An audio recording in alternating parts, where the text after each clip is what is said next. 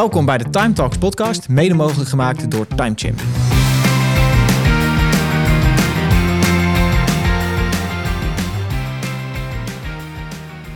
Welkom bij de Time Talks podcast, no-nonsense podcast over ondernemen, cultuur en natuurlijk een stukje tijd, hoort erbij. Uh, vandaag zit ik met iemand uh, die een verslagen groep collega's uh, zo weer kan opbeuren, die als frisse wervelwind door je bedrijf heen kan razen. Ik zit met Sam van der Steen. Sam, hey, jongens. welkom. Dankjewel. Uh, super dat je er bent. Uh, als eerste vraag die ik eigenlijk aan iedereen stel, ja. dat, is, dat hoort erbij. wat betekent tijd voor jou? Ja, ik had deze vraag natuurlijk van tevoren van jou gekregen. en ja, ja, even over na, na kunnen denken een paar dagen. En ik moet daar gelijk denken aan Christopher Nolan. Okay. Die in zijn films natuurlijk heel veel met begrip tijd doet. Met mm -hmm. uh, Inception en, uh, en die films allemaal. Zeker. Uh, ik heb zelfs, ja, ik ben een beetje tijdgekkie. Ik heb zelfs het horloge gekocht van Interstellar. Oh, oh, echt? oh, dat vind ik echt heel benieuwd. ja. die, had die, die had Cooper om in de film Interstellar. Nou, die film gaat natuurlijk ook alle kanten op met tijd. Ja, ja. ja. En ik, vind, ik vind tijd gewoon een heel interessant begrip eigenlijk. Hoe de ervaring van tijd, zeg maar, soms heel snel kan gaan en soms tergend langzaam. Dus die soort van rel relativiteitstheorie is dat volgens mij hè, van Einstein. Ja. Dus uh, ja, ik vind het, dus, ik vind het een, een gaaf begrip uh, tijd. Uh, je kunt er alle, alle kanten mee op eigenlijk. Mm -hmm.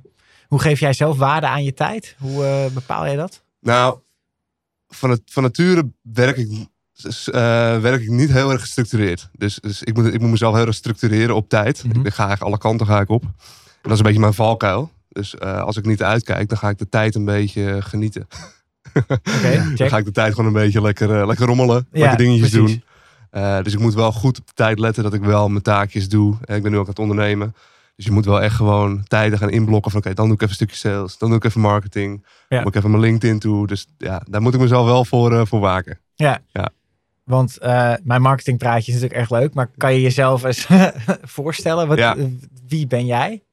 Nou, ik ben Sam van der Steen. Ik ben uh, ooit begonnen als, uh, als grafisch vormgever. Toen ben ik steeds meer doorgegroeid in het UX-design, steeds meer apps ontwikkelen, uh, websites. Zo ben ik ook uiteindelijk bij, bij TimeChimp terechtgekomen. Het is wel leuk voor de luisteraars om te weten dat ik eerst vaste medewerker ben van TimeChimp. Ja. Bram zou zeggen dat hij het is, maar ik ben het. Oké, okay, check.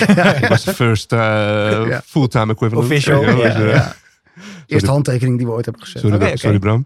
maar... Nee, dus ja, zo ben ik eigenlijk uh, doorgegroeid tot, uh, tot UX-designer. Tijd heel, met heel veel plezier gedaan. Maar wel altijd het gevoel gehad van, hey, is dit, is dit het wel? Dus er leken heel veel dingen te kloppen. Maar toch een bepaalde leegte ervaren uh, tijdens mijn werk. En eigenlijk door mijn dienstverband bij TimeChain was het eigenlijk een soort van kantelpunt. Ben ik erachter gekomen van, hey, ik ben eigenlijk ergens anders voor bedoeld. Mm -hmm. En dat is het werk dat ik nu doe. Ik ben cultuurbouwer in bedrijven mijn, als we hebben over marketing praten, mijn marketing praat is dat ik, uh, ik, ik groei, teams groei ik naar tribes. Dus ik haal de tribes in een team naar boven. En uh, nou, vol, kan, kan je er natuurlijk een uur over volkletsen. Maar eigenlijk wat ik doe is ik loop een tijdje mee met een, uh, met een team. Uh, ik ga kijken naar okay, wat zijn de overeenkomsten binnen het team. Wat verbindt ons, wat brengt ons samen, wat motiveert ons. En wat motiveert elk individu ten opzichte van het grotere plaatje dat we proberen te bereiken. Mm -hmm om daarmee echt het, zeg maar, het intrinsieke motivatie binnen iemand aan te spreken. Ja. En ja, het binden en het behouden van mensen is natuurlijk best wel een, een hot topic nu. Dus dat, uh, ja, dat vindt zich wel mooi samen op dit moment in de markt. Ja. Dus dat doe ik eigenlijk, ja. Is het ook dat uh, mensen steeds vaker voor een cultuur kiezen ja. bij een bedrijf? Of tenminste, de cultuur is een heel groot, uh, ja. heel groot topic. Want je bent natuurlijk bij TimeChimp ooit begonnen als ook designer, een beetje product owner, designer. Ja. Maar ik, ik was het toen ook. heel cool. Maar ik weet nog heel goed, op een gegeven moment ben jij ook gaan transitionen een stukje naar uh, wat meer cultuur. Want de cultuurposters heb je toen. Uh, ja. Kan je daar een stukje over vertellen? Hoe je daar een beetje je slag in hebt geslagen? Ja, ik, ik weet gewoon nog. Uh, het is wel grappig om te vertellen. Ik, ik, denk nog zo vaak terug aan de tijd bij TimeChimp. Omdat het gewoon. Het was zo ontzettend leerzaam als ik er nu op terugkijk. He, we, we begonnen, jullie begonnen natuurlijk met z'n tweeën. Ik kwam er later bij. En we moesten alles voor het eerst moesten we gaan doen. Uh, het, uh, onze, onze website hebben we ontworpen, onze huisstijl, de UX van de tool, uh, het praten met klanten. Alles moest je voor de eerste keer moest je aanra aanraken als het ware. En ik weet nog heel goed dat nou, Fred heeft natuurlijk een commerciële achtergrond, Wouter een hele technische achtergrond. Ja, en er is ook een beetje natuurlijk het people-stuk nodig binnen het bedrijf. Ja. En omdat ik dat van nature best wel leuk vind om te doen, om met mensen te kijken van hey, wat motiveert jou? Eh, hoe kunnen we het beste uit elkaar halen? Eh, ja, denk ik dat ik een beetje van nature dat gat een beetje, een beetje opvulde. Jullie daar misschien een beetje Ja. in versterkten. Ja, ik, ik denk dat het op zaken... We, we, we groeiden natuurlijk. Hè, dus Ja. je kwam erbij en uiteindelijk kwamen er meer medewerkers bij. Er kwamen meer klanten, et cetera. En op een gegeven moment kwam dat vraagstuk gewoon steeds meer naar boven. Van, hey, weet je, wat is onze identiteit als, als organisatie, zeg maar. En dat pakte jij toen heel goed op. Van waar staan we voor? En ja, toen zijn uiteindelijk, eh, jij bent daar heel creatief in. Want eh, omdat je natuurlijk ook een creatieve achtergrond ja, hebt.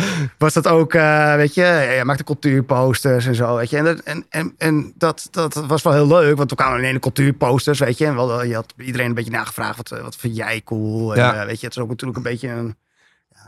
je begint met iets ook weer, hè. Dus dat was het ook echt. Maar daarna kwamen er ook heel erg veel discussies over die posters. Oh, daar ben ik het niet mee eens of daar Ja. ben ik het wel mee eens. En Ja. wat betekent dat eigenlijk, weet je? Precies, en, ja. en dat bracht eigenlijk het gesprek in ook in- bij ons los. Waardoor we daarna echt pas zijn na gaan denken, ook ik als ondernemer, eh, om te kijken van, hé, hey, wat betekent dat eigenlijk voor ons? Maar je merkt naarmate je groeit ook dat het gewoon steeds belangrijker wordt. Zeker. Om een bepaalde identiteit aan te nemen, om een bepaalde voorwaarden of kernwaarden te creëren. Ook al is het af en toe wel eens een beetje eh, hele mooie quotes produceren om het zo cool mogelijk te laten lijken. Maar uiteindelijk moet je er wel echt achter staan. Juist. Ehm, ja, en dat, eh, dat, dat heb jij uiteindelijk wel ben jij begonnen bij ons. En, ja, eh, het is zo grappig dat ik zie steeds meer, steeds vaker nog wat Easy Does It zie ik eh, voorbij komen. mhm. En dat is eigenlijk de soort van, ja, bijna een soort missiestatement die we toen de tijd hebben bedacht. Van, hey, laten we dingen gewoon super makkelijk gaan maken Ja, voor één iedereen. fout hebben we altijd eh Precies, want eh, geroepen. tijdregistratie, niet iedereen staat erom eh, te springen. Dus laten we het dan vooral super makkelijk maken. Dat mensen wel dat product gaan gebruiken. Ja. En dat je daarmee dus eh, veel meer inzicht krijgt in, eh, in de tijdsverbruik binnen je bedrijf. 100%. Ja. ja. Dus dat is wel vet om te zien. En dat vond ik wel gaaf om te merken dat we... Dat was voor mij ook wel echt een omslagpunt in de cultuur van TimeChimp. Hè, dat we waren eerst met OKR's bezig en kijken van oké, wat worden onze doelen? Hoe gaan, waarom, rondom welke doelen gaan we ons verenigen? En dat we toen ineens zeiden van hé, laten we dat eens makkelijker gaan maken. Toen konden we ineens vanuit design konden we het makkelijker gaan maken. Ons Ja. codebase konden we makkelijker op gaan zetten. Eh, de, de customer service, de, de, de kennisbank konden we makkelijker navigeerbaar maken. En dan begint iedereen zeg maar, zijn eigen stukje betekenis in de missie van het bedrijf te vinden. Ja. Ja, dan krijg je die inclusiviteit. Dan krijg je dat één team, één taken gevoel. Ja, want gaat iedereen het ook dragen. Ja. In, in plaats van dat het van hogeraf naar beneden druppelt, wordt het van onderaf naar boven gedragen. Ja. En dan is het ineens best wel vet om daarbij te zitten, Ja. Denk ik. Want dit doe jij, dit heb je bij ons gedaan, maar Ja, dit doe je natuurlijk ook voor andere bedrijven. ja. Kan jij eens kort en krachtig vertellen hoe jij dan eh, ondernemers helpt hun bedrijf te laten klikken? Ja. Als ik het zo kan zeggen. zeker. Ik heb daar een eh, programma voor bedacht. Dat Groei van Team met Tribe. Dat is een programma met, eh, met zes hoofdstukken, zes chapters noem ik dat. Mhm. En ik heb eigenlijk door mijn ervaring bij Time Gym, maar ook de eerste paar opdrachten die ik heb gedaan, begon ik de, zeg maar, de patronen te zien binnen een bedrijf. Ik lees heel veel over cultuur, ik lees heel veel over high-performing teams. Ehm, en wat ik daarin zie, is dat ik begin altijd met een bestemming. Dus waar gaat dit bedrijf naartoe? Wat is je visie? En visie ja, zegt eigenlijk van datgene wat we kunnen zien, maar nu nog niet hebben. Dus we kunnen het wel omschrijven, we kunnen wel een bepaalde bestemming kunnen we voor ons zien, maar we zijn er nu nog niet. Precies. Maar het reizen er naartoe, dat maakt al, wekt al een bepaalde verlangen om hiervoor samen aan de gang te gaan. Mhm. Dus begin met visie. Volgens ga je kijken van, oké, wat wordt dan onze missie? Hoe gaan we ons op dagelijkse basis opereren om dit ook samen te gaan bereiken? Mhm. En hoe blijven we on track? Stap drie ga je kijken naar values. Wat worden onze kernwaarden? Oftewel, wat voor gedrag is er nodig om samen te blijven werken op dagelijkse basis, op een goede manier, om uiteindelijk tot die visie te komen? Check. Ja. In chapter 4 gaan we kijken van oké, wie moet er dan op welke plek staan binnen die reis als we onderweg zijn? Je hebt een leider, je hebt mensen aan de, aan de vleugel, eh, je hebt vleugelspelers, je hebt spits, je hebt een, eh, je hebt een keeper. Je wil eigenlijk iedereen op de juiste plek hebben. hè? Ja. Je wilt dat iedereen ook intrinsiek gemotiveerd is om bij je te blijven werken. Ja. Nou, in chapter 5 gaan we kijken van oké, wat worden onze rituelen? Dus hoe gaan we onszelf bedrijven? Oftewel, als je onze customer journey kijkt of onze employer journey, op wat voor punten kom je dan onze cultuur tegen? Hè? Waar loop je ze echt tegen het lijf? Cultuurposters zijn er mooi daarvan. Ja. Maar ook bijvoorbeeld als je voortgangsgesprekken doet met medewerkers, kun je ook even die kernwaarden aanhalen. Je kunt zelfs op basis van je kernwaarden bepalen van hey, hoe nemen wij de telefoon op hier? Dus kernwaarden geven heel veel kaders. En die kaders geven weer heel veel vrijheid. Want binnen die kaders, hè, als we die hebben afgesproken, dan kun jij met die kernwaarden aan de slag. ja, precies. Maar iedereen binnen het bedrijf. En dat vind ik juist het tof. Dat zo'n cultuur of kernwaarden heel erg bruikbaar worden voor Mhm. mensen. En dan in chapter 6, zeg maar, het zesde chapter, gaan we kijken naar expand. Dan gaan we pas kijken naar groei. Dus je kijkt heel erg van inside out. Dus je, je gaat heel erg, je blijft heel dicht bij jezelf. En vanuit daar ontspruit je al je initiatieven. Ja. Waarom? Als je arbeidscommunicatie gaat doen, dan wil je wel de juiste mensen aantrekken. Ja. Dus je wil wel relevante sollicitatiegesprekken krijgen. Precies. Want het begint al met het doorspitten van de cv's. Ja. Als daar allemaal mensen tussen zitten die eigenlijk geen culture fit zijn, Dan houdt het op. ja, dan is het heel veel verspilde moeite. Ja. Terwijl als jij heel duidelijk kunt zeggen van nou, hier willen we naartoe, met dit soort mensen, want we willen dit bereiken, dit vinden we belangrijk met elkaar. En dat laat je heel erg in je arbeidscommunicatie zien, dan trekt dat ook de juiste mensen aan. Check. Dus dat is in een notendop zeg maar dat programma wat ik draai, Mhm. samen met mijn klanten. En het programma is ook modulair, dus je kunt ook zeggen van nou, onze visie, missie, kraakhelder. We hebben alleen even goede values nodig. Ja. En dan stappen ze halverwege in bijvoorbeeld. Want hoe zou jij dan een, een tribe definiëren? Ja, ik denk dat een tribe ehm, heel goed heeft gekeken van... Ondanks dat we zo verschillend zijn als mens... Internationale achtergrond, eh, ehm, specialiteiten, eh, geloofsovertuiging, you name it... hebben we wel bepaalde set overeenkomsten. En ik denk bij jullie is die overeenkomst... eh, het, het spelletje om dingen heel erg makkelijk te maken. De eenvoud in complexiteit te zoeken. Ik denk dat dat iets is dat jullie allemaal leuk vinden om te doen. Om, hè, easy does it. Dat is een Easy beetje jullie, dat is jullie, jullie, Ja. jullie, jullie spirit. Wel Ja. moeilijk, maar eh, ja, Ja, dat is maar wel dat iets wat we nastreven. Ja, precies. en dat is ja. bijna een soort, een soort, soort gepuzzel, een soort uitvinders Mhm. eh, cultuur zou je bijna kunnen zeggen. Ja. Wat continu zeg maar, in je bedrijf leeft. En elkaar blijft versterken. En iedereen, het is op een gegeven moment infectious, denk ik. Dit, je, Ja. je steekt elkaar aan. Ja. Oké, jij hebt dit ondervonden. Het kan dus makkelijker. Maar oké, nu zie ik dit zelf. En Ja. het kan nog steeds makkelijker. Ja, en ook door, doordat je kernwaarde definieert, zeg maar, en je doet ook echt je, je sollicitatieprocedure erop afstemmen, ga je toch naar ja, eenzelfde type mens, zeg maar, met dezelfde waarde ga je op zoek. Ja. Hè, dat hebben wij ook gemerkt. Weet Ja. je. Eh, Het, is ook, het is ook al is het heel lastig nu om gewoon personeel te werven of te krijgen, of de juiste mensen voor de juiste, voor de juiste vacature. Ja. Maar wat wij wel zien is dat je daar wel echt heel veel tijd in moet inspenderen. Want uiteindelijk als je een bad hire hebt, zeg maar, ja, dan Ja. kost je nog veel meer dan dat je dat van tevoren niet goed hebt afgekaderd. Hè? Want dat is gewoon zo. Ja. Dus ja, nee, eh, ja, eh, bij ons ook, eh, we, hebben het in de eerdere podcasts ook wel een beetje over gehad natuurlijk. Maar het is voor ons ook wel echt een heel spijl- pijlpunt geweest van oké, weet je, hoe wij nu verder gaan en hoe wij hoe mensen willen aannemen. Juist. En het moet bij iedereen leven. Daarom Ja. eh, die culture posters zijn wel anders geworden, zeg maar. Hè? Eh, eh, no bad feelings. nee, maar even be- beter doordacht. En weet je, ook, omdat die discussie ontstaan is. Evolueert en, ook. Ja, en het evolueert en het verandert ook. Een cultuur verandert ook. Ja, Dus, zeker ja. En eh, normen en waarden veranderen misschien ietsjes. Ja. Waardoor je, maar je zegt op een gegeven moment, hè, wat ik ook al, al vaker heb gezegd, is je op een gegeven moment voel je je ergens prettig bij als organisatie. En eh, de organisatie zelf ook. En dan moet je daar toch aan vasthouden. Ja. En eh, omdat dat werkt, weet je. En kijk, en, ik, zei het, ik, zei, ik heb het eerder gezegd, het is, we, zijn gelukkig een, een bedrijf, dus het is geen democratie. Dus, Nee. het, het- iets, dus wij kunnen best wel bepalen wat onze cultuurwaarden zijn. Ja. wat onze normen en waarden willen zijn, zeg maar. En dat het enige wat je moet doen is de juiste mensen binnenhalen. Ja. Ik denk dat dat ook de taak van de leider is. Gewoon het schip op koers houden. Ja. En er is zo'n mooie quote. Ik weet niet precies wie dat heeft gezegd. Maar iemand zei van... Everybody has a voice. But not everybody has a vote. Ja. Dus iedereen mag meedenken, mag meepraten. En laat je Ja. als leider daar ook vooral door Inspireren. inspireren. Ja, en, hè, want de beste kennis komt, komt van de vloer. Dat zijn de mensen die dagelijks met je klanten spreken. Ja. Met je medewerkers om tafel zitten. Nou, you name it. Dus laat je vooral daardoor inspireren. Maar uiteindelijk maakt het, leiders, leidinggevend orgaan maakt een keuze. Ja, precies. En eh, hoe zorg je er dan voor dat je zelf continu geïnspireerd... Want jij leeft natuurlijk een bepaalde drive. Ja, En je komt binnen en nou ik zei het net al in mijn introductie, een wervelwind. Ja. Ik denk dat dat... Je, het lijkt me niet dat dat jou vreemd de oren klinkt. nee. Eh, tenminste, zo heb ik het ervaren. Eh, positieve wervelwind overigens. Maar hoe zorg je ervoor dat je zelf continu die energie en die drive blijft houden? Ik denk dat je ehm, als leider sowieso heel intrinsiek gemotiveerd moet zijn om, om iets te behalen. Dat moet je echt uitstralen. Je moet het echt belichamen bijna. Mhm. Dat mensen echt aan je zien van hé, hij is echt de vlaggedrager van ons bedrijf. Want ik kan niet binnen een bedrijf komen, zes maanden meelopen.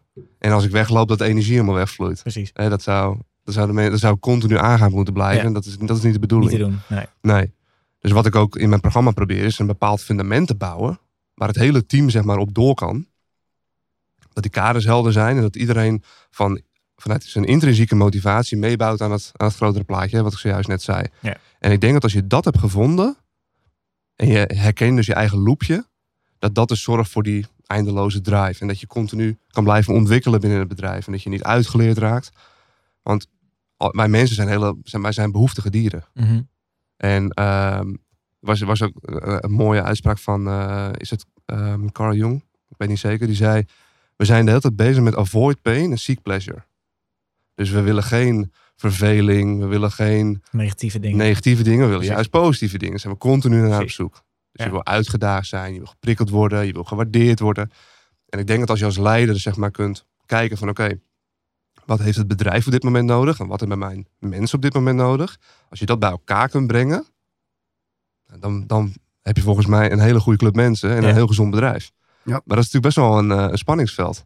Zeker. Want ik heb ook tijdens mijn tijd bij Timeship dingen geroepen die ik zou willen. En ook gesprek met Fred over gehad. En dat zei Fred ook van ja, zo, we zitten even nu niet in die periode met dit bedrijf. Op dit moment heeft het bedrijf iets anders nodig Ja. binnen deze fase. Nou, en ik denk dat het ook helemaal niet erg is om tijdens de groei van een bedrijf ook afscheid te nemen van mensen. Zoals ik op een gegeven moment ben weggegaan. Ja. Want ik kon ook mijn behoeftes niet meer vervullen binnen het bedrijf. En dan moet je afscheid nemen. Precies. Anders zit je daar tegen, je, tegen wil en Dat dan. is voor niemand goed. Nee, dat is inderdaad voor niemand goed. Ja. Oké. Wat zou je dan zeggen wat een, wat een paar goede eigenschappen zijn van een leider? Als je echt zegt, dit is vlaggedrager. Ja, Ja. Maar wat zijn dan eigenschappen die een leider ja, nodig heeft? Eh, een stukje kwetsbaarheid, denk ik. Als je, ik denk als je pretendeert alles te weten, ben je heel ontoegankelijk. Dus dan durven dat mensen, hè, net als ze zeiden, everybody has a voice, but not everybody has a vote. Ik denk dat je eh, die informatiestroom wil je heel erg, van, heel erg natuurlijk houden. Mhm. Eh, inhoudelijk, op performance, maar ook bijvoorbeeld op, op attitude, op houding.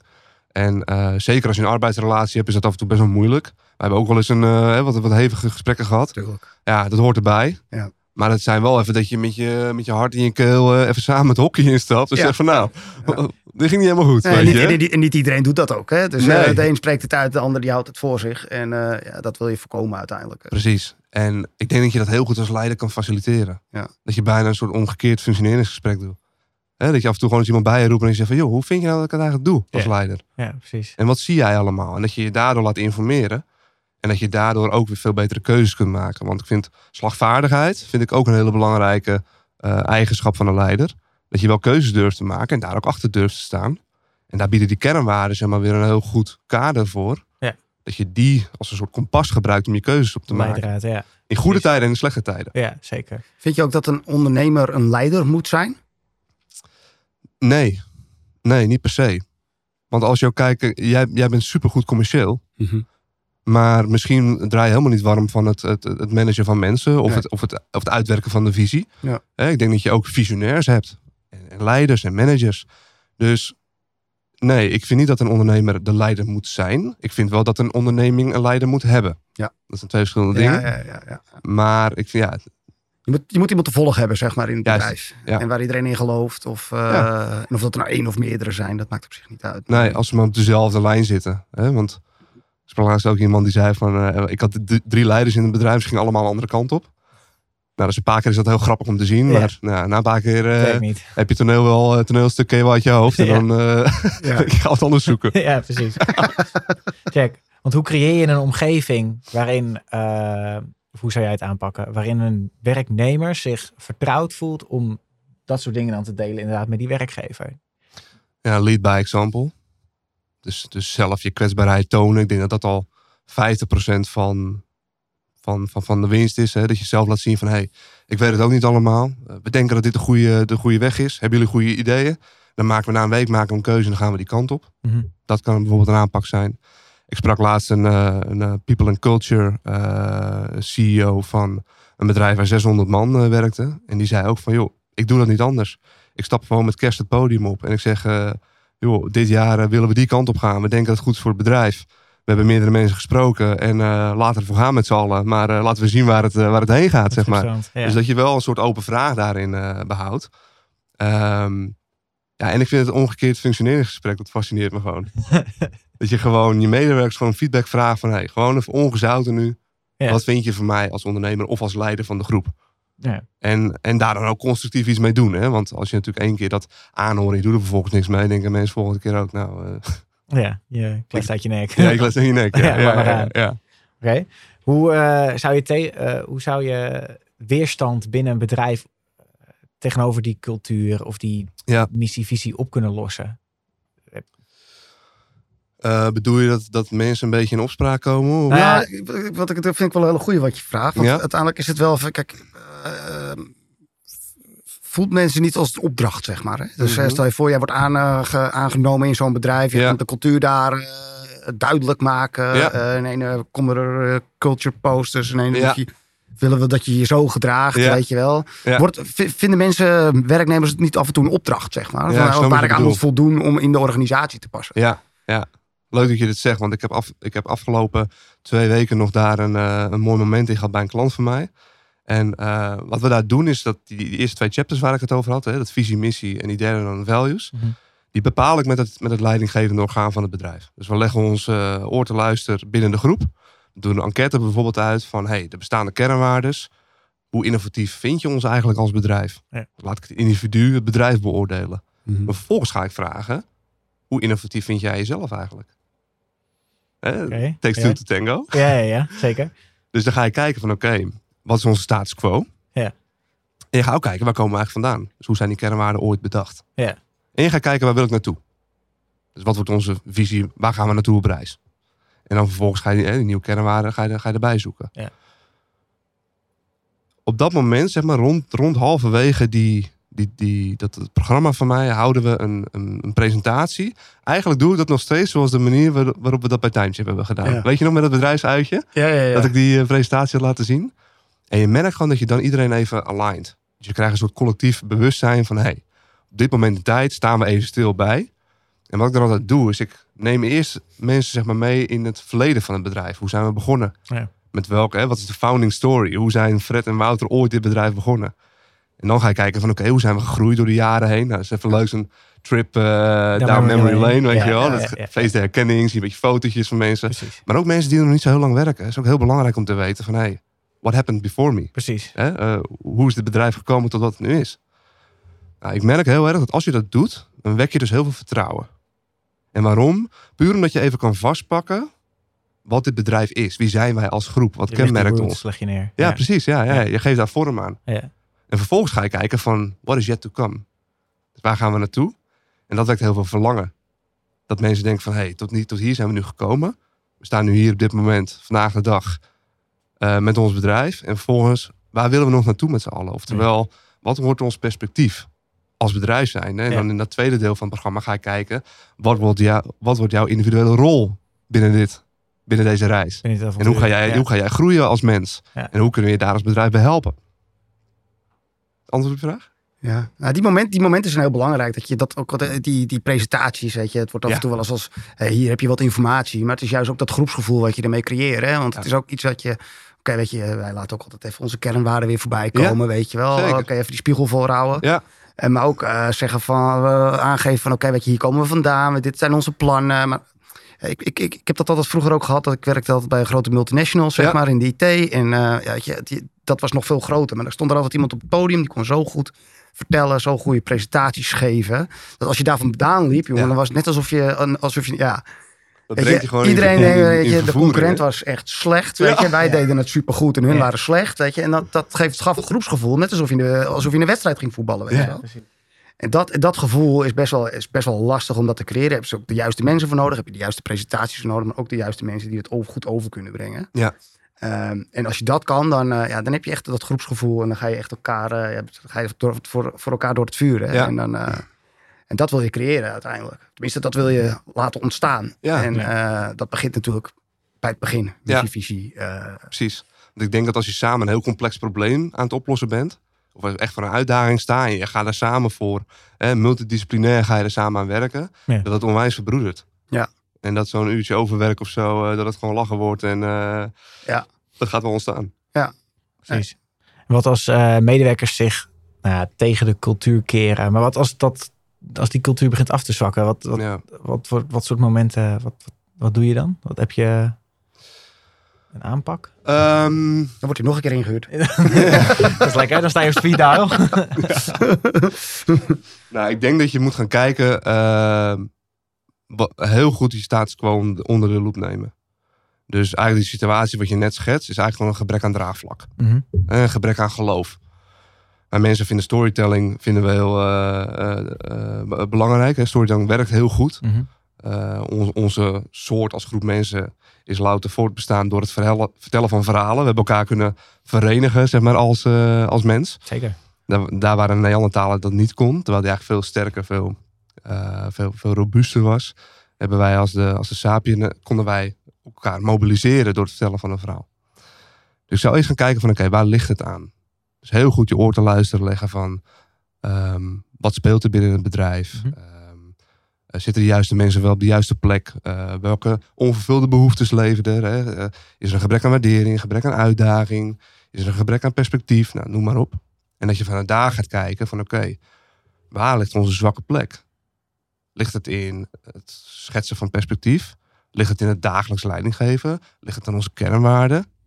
Waar ligt het aan? En ik denk dat je vanuit daar ja, bijna een soort van de thermometer erin moet steken. Kijken hoe gezond je bent. En vanuit daar gaat kijken van oké, wat voor stappen moeten wij maken? Ja. En ik denk ook dat het super waardevol is als je gewoon je club bij elkaar roept en zegt van jongens, volgens mij gaat het iets niet goed. Precies. Dat is ook dat stukje kwetsbaarheid wat Ja. dan weer eh, te kijken komt. Ja, en dan beginnen met de feiten. Dus we zien dit, we zien dit, we zien dit. Dit valt ons op. Ja. Hoe ervaren jullie het? Ja. En ik denk dat als je dat... Want, want ja, een groep is in goede en slechte tijden. Dus ik denk dat je ook zeker in die slechte tijden met elkaar aan tafel moet. En te beginnen met de feiten en zeggen van... hé, hey, dit observeer ik. Ja. Hoe, hoe, hoe ontstaat dit en wat, wat kunnen we ermee? Ja. En dan moet je natuurlijk nog wel mensen hebben die durven uit te spreken. Dat is natuurlijk, dat is natuurlijk twee. twee. Ja. Ja. Hoe eh, vaak kom je bedrijven tegen die in, de, in, de, die in een bepaalde groei eh, dat, dat vergeten aan te houden, zeg maar. Hè? Dus je hebt, je, hebt, je, hebt, eh, je, hebt, je hebt het duidelijk gemaakt. Je Ja. hebt eh, je missie, visie, eh, cultuur, et cetera. Maar weet je, dat bedrijf groeit zo hard en het is zo lastig mensen met medewerkers krijgen. Ja. Weet je, eh, na een jaar zie je dat het gewoon helemaal verwaterd is. Ja. En, en, en, en wat, wat, wat adviseer je die, die, die, die ondernemer dan? Nou, sowieso door er in- energie in te blijven st- steken. Gewoon stug volhouden, consistent en consequent naar je cultuur leven. Dat is eigenlijk moet dat gewoon de basis moet dat zijn. Ja. Ehm, waarom? Omdat dat, dat, dat eh, herhaling zorgt voor herinnering. En je hebt vier fases vaak in een, eh, in een start-up. En dat is de, je begint met de forming fase. Zo, zo begonnen wij eigenlijk. Hè? Mhm. Alles is nieuw, je begint alles te, te, te vormen. Je begint jezelf uit te vinden, et cetera. En op een gegeven moment kwamen wij ook op het punt dat we meerdere mensen werden aangenomen. Ehm, we hadden nog niet echt eh, scherp op de korrel. Wat is onze visie? Wat is onze missie? Welke waarden vinden wij belangrijk? Wordt het een beetje een soort free-for-all. Mhm. Ja. En dan krijg je de stormingfase. Nou, daar kun je je allemaal wel wat voor voorstellen, wat de stormingfase is. Vervolgens moet je gaan kijken, oké, nu moeten we naar de normingfase gaan. En binnen de norming ga je dus het fundament bouwen. Dus ga je terugkijken op, oké, wat, wat, hè, wat, wat, wat typeert ons, wat kenmerkt ons, wat wordt ons fundament waarop we gaan doorbouwen. En dat is ook waar mijn programma zeg maar over gaat. Om uiteindelijk, als je die normingfase hebt en die neus staan dezelfde kant op en iedereen weet wat zijn rol is binnen het grote plaatje, dan kun je naar performingfase. Dat is de vierde fase. En wat ik zie is dat vaak is het gewoon een, een schaalprobleem. Want relaties zijn per definitie niet schaalbaar. Hè, ze hebben wel eens gezegd van boven een groep van 150 mensen kun je elkaar niet meer eh, één op één kennen. Dan, dat onderhouden van al die relaties, dat wordt, dat wordt veel te veel. Ja. En daar, is dus dan, daar komt dan dat, dat verhaal om de hoek kijken. Want stel je voor dat eh, nou, voetbalsupporters, Ajax volgens mij. Ja, ja, ja zeker. Ja, oké, dat moeten noemen. Als jij een Ajax supporter tegenkomt in eh, Amerika op vakantie, Ja. heb je gelijk een klik met elkaar. Ja. Want je deelt hetzelfde verhaal, je deelt dezelfde passie. Ja. Ondanks dat je elkaar nog helemaal niet kent, heb je gelijk een soort gedeelde waarheid. Heb je. Mhm. En dat is hetzelfde als je een bedrijf hebt wat midden in de stormingfase zit. Je weet in de normingfase te komen door hier tijd en energie in te steken. Je hebt dat verhaal op orde. Op een gegeven moment als je dan iemand op gesprek krijgt en je zegt van nou, hey, dit zijn we hier aan het doen met z'n allen. Ja. Hier willen we naartoe. We gaan we hier op, op deze kernwaarden gaan we elkaar accountable houden. Dat iemand daar, dat resoneert met iemand die zegt van, dat zoek ik. En dan voelt het gelijk goed. Dat voelt gelijk goed. Ja. En dat heb ik gemist in mijn vorige job. En wat gaaf dat jullie dat op deze manier doen. En op deze manier de invulling aangeven. Want ik vind ook de, de meest sterke vacatures. Vind ik de vacature of de werken bij oproep. Die een probleem oplost voor iemand. Want in, in, in in B2B sales hè, zijn we heel erg druk bezig met, eh, met, met, met producten verkopen of diensten verkopen. Net zoals jullie met, met TimeChimp doen. Ja, Ja. zeker. Maar dan gaan we naar de medewerker kijken en dan zeggen we: hey, we're hiring. Eh, wij zoeken mensen. Ja, Wie, oh wie? ja. Ken je nog iemand? Ja, ja, ja. dat gaat helemaal niet over mij. voelt heel leeg. Voelt ja. heel leeg, ja. Ja. En, het, eh, en het gaat over mij als bedrijf. Ja. Terwijl als jij kunt zeggen van... hey, ehm, we proberen dingen super makkelijk te maken bij TimeChimp. Eh, we lopen nu tegen een stuk aan in onze kennisbank. We komen er niet uit. precies. En bezoek, jij, eh, bezoek iemand die hier al heel veel ervaring op hebt. Ja. En ehm, als jij eh, ergens een kennisbank al helemaal op opgetuigd en er is weinig werk meer voor jou te doen, kom dan alsjeblieft bij ons werken, want we hebben gewoon een super gave uitdaging voor je liggen. Nou, Ja. dan is iemand die zich, die latent werkzoekend is, dus die zich verveelt op zijn werk, Ja. en die ziet dat voorbij komen en die denkt, hé, hey, dat is mijn shit. dat is mijn ik. shit, ik kan weer van betekenis Ja, zijn. Ja. precies. Ja. Merk je dat er eh, een wat lastigere adoptie is qua cultuur als er veel mensen thuiswerken of veel remote? eh, Ja, daar heb ik nog niet zo heel veel ervaring mee gehad. Ehm, ik werk eigenlijk voornamelijk met hybride bedrijven. Mhm. Dus die eh, thuiswerken en het, eh, en het op kantoor werken combineren.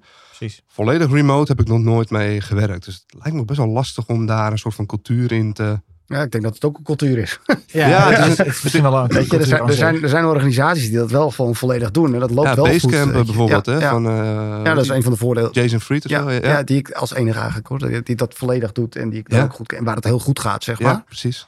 Ja, dat is ook een bepaald soort cultuur en een bepaald soort werkcultuur die Ja. toch wel aangehouden wordt. Weet je? Want het is niet zo dat ze daar alleen maar thuis zitten en dat ze geen collega's hebben. Hè? Nee, Eh, dat, nee. dat, dat, er is ook een hele methode omheen gebouwd. Juist. Waardoor dat mogelijk is. Ja. Wij zelf hebben er ook niet voor gekozen om dat alleen volledig te doen, zeg maar. Omdat wij het gewoon wel heel belangrijk vinden om gewoon af en toe eens ook gewoon chit-chat te hebben, zeg maar. Ja. Bij de koffie. Bij de koffiezetapparaat. Ja. Waar we er net weer een nieuwe voor aangeschaft hebben trouwens. Ja. Eh, maar dat vinden wij heel belangrijk. En ook dat meetings gewoon, eh, weet je, gebeuren. face. En dus misschien ben ik daar ouderwets in hoor. Dat zou best kunnen. Maar eh, Ja. ja, ik vind het gewoon wel heel belangrijk dat, dat, ook, dat het niet alleen maar gaat over... Oké, weet je, we bellen elkaar omdat er eh, een, een zakelijk iets is wat we moeten bespreken. Maar dat het Ja. ook gewoon eens een keer... Hé man, eh, ik spreek je nou tof, ik zit naast je. Hoe gaat het, eh, hoe gaat het thuis? Of Ja. eh, weet je... Ja. Want je belt elkaar niet eh, op. eh, we maken nog steeds gebruik van Slack. Ja. Via Slack van, hey, eh, hoe gaat het thuis? Eh, Nee, hoe gaat het met je? dat doe je niet. Dat doe je niet. Nee, Nee. het is altijd eh, eh, gericht op een opdracht. Heel transactioneel, ja. Niet ja. relationeel. Nee. Nee. Ik heb laatst ook een wel leuk onderzoek gezien. In, eh, het stond in een boek, in de, de Culture Code. Daar had iemand geschreven dat ehm, proximity, zeg maar, dus nabijheid, ehm, de communicatie dus eh, factor 3 of zo verhoogt. Dus ondanks dat je met elkaar op kantoor zit, Ja. slacken mensen meer met elkaar, eh, bellen ze meer met elkaar, eh, appen Ja, ze ja. meer met elkaar. Omdat gewoon nabijheid, zeg maar, zorgt voor het groepsgevoel en eh, communicatie bijna uitlokt. Ja. Want als je thuis zit, dan denk je van, mm, nou, ik zoek het zelf even uit. Weet je wel? Ja, precies. Terwijl als je natuurlijk bij elkaar bent, dan Ja. zoek je elkaar veel makkelijker op. Ja, nee, zeker. En ik denk juist bij het samenwerken, dat heb ik met tijd als designer heel erg gemerkt, dat creativiteit laat zich heel makkelijk multiplyen. Zet ons in de kamer, ik gooi een idee op, jij gooit een idee eroverheen, er komt Fred met een gaaf idee en dan binnen no time hebben we iets super gaafs bedacht. Ja. Doe dat maar eens remote. ja, nee, dat is lastig. Ja, wij zijn het ook gewend. Hè? Wij zijn ook gewend, wij, wij- voor corona zeg maar, wij zijn gewend om ook bij elkaar te zijn. Ja. Maar hoe zie je dan bijvoorbeeld een aantal generaties over, na ons, zeg maar, dat verandert. Weet je? Ja. Dat, die, die worden anders opgevoed. Ja. Die, die afstanden zijn misschien wel veel groter, veel minder sociaal. Ja, misschien dat het dan wel eh, helemaal eh, de andere kant op gaat. Ja, Daar wel eens over nagedacht, dat je denkt van, weet je, hoe, gaat, hoe, hoe, hoe ziet de toekomst daarin uit, zeg maar. Hè? Dus ja cultuur verandert misschien wel. Ja. eh, normen en waarden vallen misschien wel. zeker. Ik denk dat dat nu heel erg eh, bezig is, zeg maar. Mhm. Eh, ik ben wel best wel aanhanger van de piramide van Maslow. Ik Mhm. vind dat best wel een. eh snijdt best wel hout, vind ik. Ook in, in veel contexten zie je gewoon dat die, eh, ja, dat die man best wel bij het rechte, rechte eind had. Ja, die hebben wel goed over nagedacht. Ja. en ehm, je zou natuurlijk hè, recent, heel na voorbeeld om te noemen, maar bijvoorbeeld de oorlog in Oekraïne. Ja, als je dan die piramide van Maslow gaat, gaat afpillen, die mensen zijn niet meer bezig met zelfontwikkeling. Nee. Ook niet met status en erkenning of waardering, dat soort dingen. Wel met relaties, denk ik, hè, want je, je zoekt elkaar op, maar die zijn echt primair bezig met overleven. Ja, survival. Survival inderdaad, ja. Dus dan zie je gewoon hè, dat als er crisis is of iets heel ergs in de, in de, om, je- om, om je heen, dan, val je toch weer terug op die, op die basisbehoeftes. Ja. En wat ik nu heel erg zie bij, eh, bij, de, bij, de, bij de nieuwe generatie, dat als je kijkt naar, ehm, naar bijvoorbeeld welvaart, hè, status, erkenning, zit een beetje boven in de piramide van Maslow, de ene en laatste laag. Daar zijn we natuurlijk allemaal mega in voorzien. En, Ja. ver- en verwend bovendien. Redelijk, ja. Zeker. Hè, wij hoeven niet te knokken voor, voor welvaart. Dat is Nee. er allemaal al. Ja. Ja. Iedereen kan een iPhone eh, bijna op abonnement nemen. En We kunnen zo instappen. je kunt zo instappen. Ja. Inderdaad. En als je dat hebt, dan ga je dus kijken naar de bovenste schijf van Maslow. En dat is dus zelfontplooiing, zelfontwikkeling. En daardoor zie je ook dat mensen kijken nu veel meer naar welzijn in plaats van welvaart. Dus welvaart hebben we. Oké, wat zit daarboven? Welzijn. Hoe ga ik mijn tijd besteden? Wil ik eigenlijk wel vijf dagen werken? Weet je, dat, dat, soort- dat soort vragen beginnen zich nu op te poppen. Toch denk ik dat dat het ook een soort van eh, het opvullen van een, van een leegte is. Dus niet echt van betekenis kunnen zijn. Niet echt voelen dat je ergens goed in bent. En daardoor maar een soort van surrogaten voor geluk gaat, eh, gaat zoeken.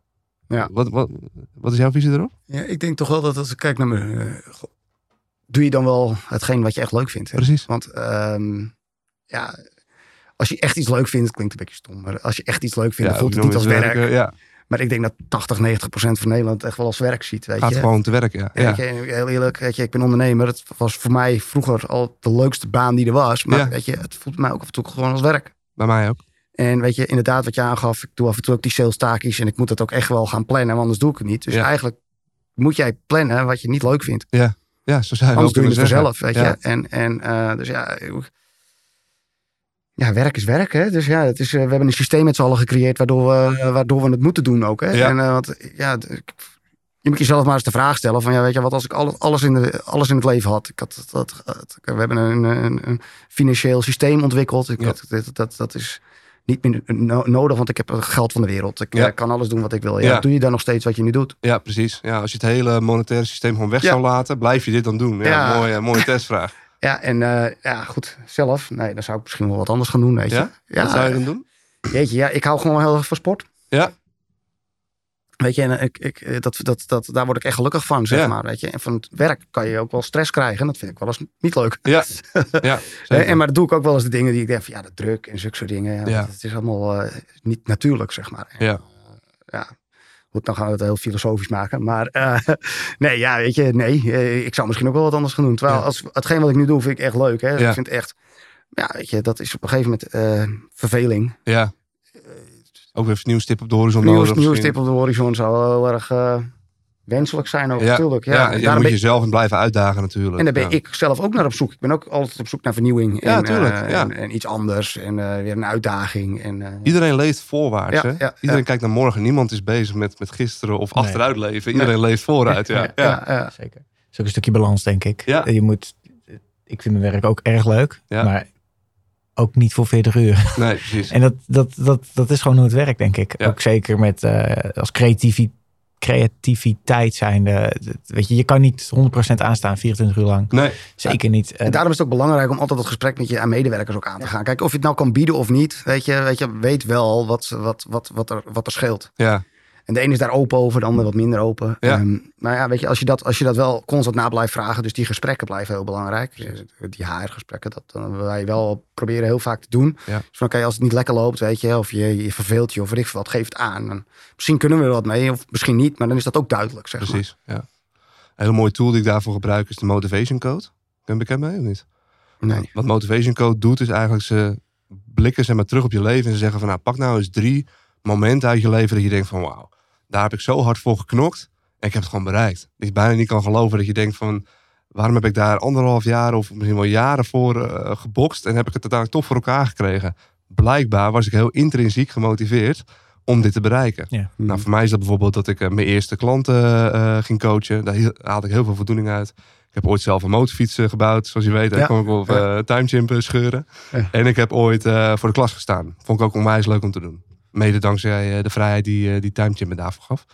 Ehm, dus dat zijn drie, drie gebeurtenissen in mijn leven. Van ik dacht van ja, daar, daar haalde ik ontzettend veel motivatie uit. Ja. En dan gaan ze kijken van oké, maar waarom, waarom motiveerde jou dat zo erg? Was het omdat je nieuwe dingen kon leren? 1 tot en met 10.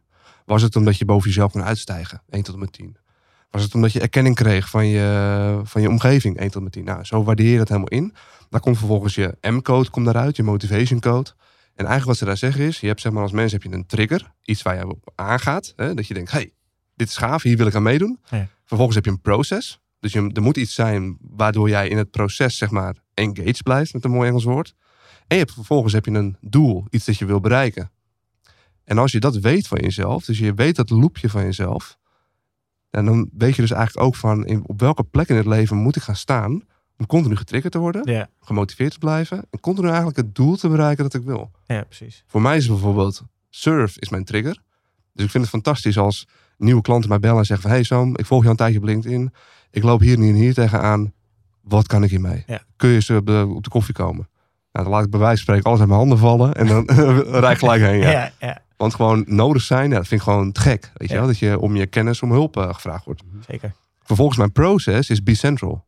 Dus ik wil heel graag dan wel een centrale rol spelen binnen de problematiek die er is. Precies. Dus ik ga niet met nog vijf coaches ga ik, eh, een try bouwen. Nee, Dat werkt niet. nee dat werkt niet Nee. voor mij. Want dan sta ik helemaal niet aan. Nee. Hè, dan word ik niet geprikkeld. Dan moet, ja, dat werkt niet voor mij.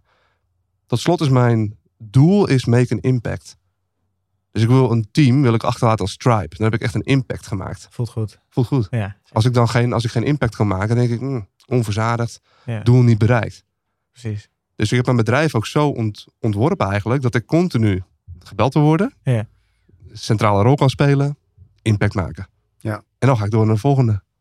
En voorheen vond ik dat een slechte eigenschap van mezelf. Dat ik dacht van ja, waarom kan ik nou niet gewoon langere tijd bij een bedrijf werken, bij Timegym bijvoorbeeld. Hè? Ik voelde ook best wel schuld, ook naar jullie toe. Ik dacht van ja, na twee jaar, hé, jullie hebben mij heel veel kansen gegeven, we hebben leuk met elkaar samengewerkt. Ja, moet je toch je baan opzeggen. Voelt, voelt best wel lullig. Ja.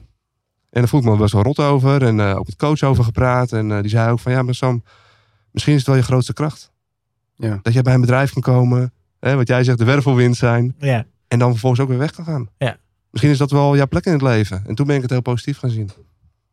nou, misschien was het ook een heel natuurlijk punt. Je had wat neergezet. Ja. En het was waarschijnlijk gewoon, het was, het verhaal was af. Op dat moment was het af inderdaad. Ja, ja, En dan natuurlijk voel je je schuldig. Het zich- wordt gegund. En eh, Ja, op een je- gegeven moment, het, was een start-up fase. Dus je bent vrienden van elkaar ongeveer. Ja. Of- Nou, ik ben er altijd best wel redelijk makkelijk in geweest. Want ik dacht van ja, Ja. het is jouw leven, niet die van mij. nee, Mhm. precies. Dus weet je, als jij een ander doel zit in het leven, prima. Daar hebben we een je, heel mooi open gesprek Ja. over gehad toen. Ja. Dat ik Ja. zei van, eh, ja, weet je, als dit, dit gewoon de laatste halte is. Zo is het toch? it, ja, ja. weet je. Kijk, en als ondernemer moet je er ook niet mee eh, in zakken naar zitten, weet je wel. Nee. Ja, weet je, dat- ja, jij gaat ook verder. Jij hebt ook je eigen doelen in het leven. Dus Ja. ja, prima.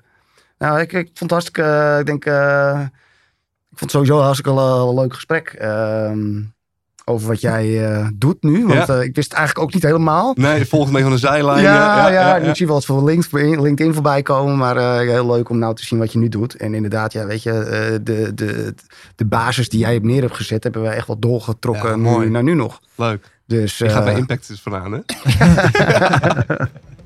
ding, ding, ding. Ja, nee, Lekker. nee, ik vind het ook eh, super vet dat je er was. Ik ben in ieder geval, ik ben door mijn vragen heen. Ik eh, ben helemaal geïnspireerd. ja. Om weer, Leuk eh, jongens. Ik vond het super leuk dat ik hier mocht zijn in jullie mooie studio. En eh nou, blijf elkaar op de voet volgen. Zeker. Zeker. Bedankt voor het luisteren naar de podcast. Ga voor meer informatie naar www.timechimp.com.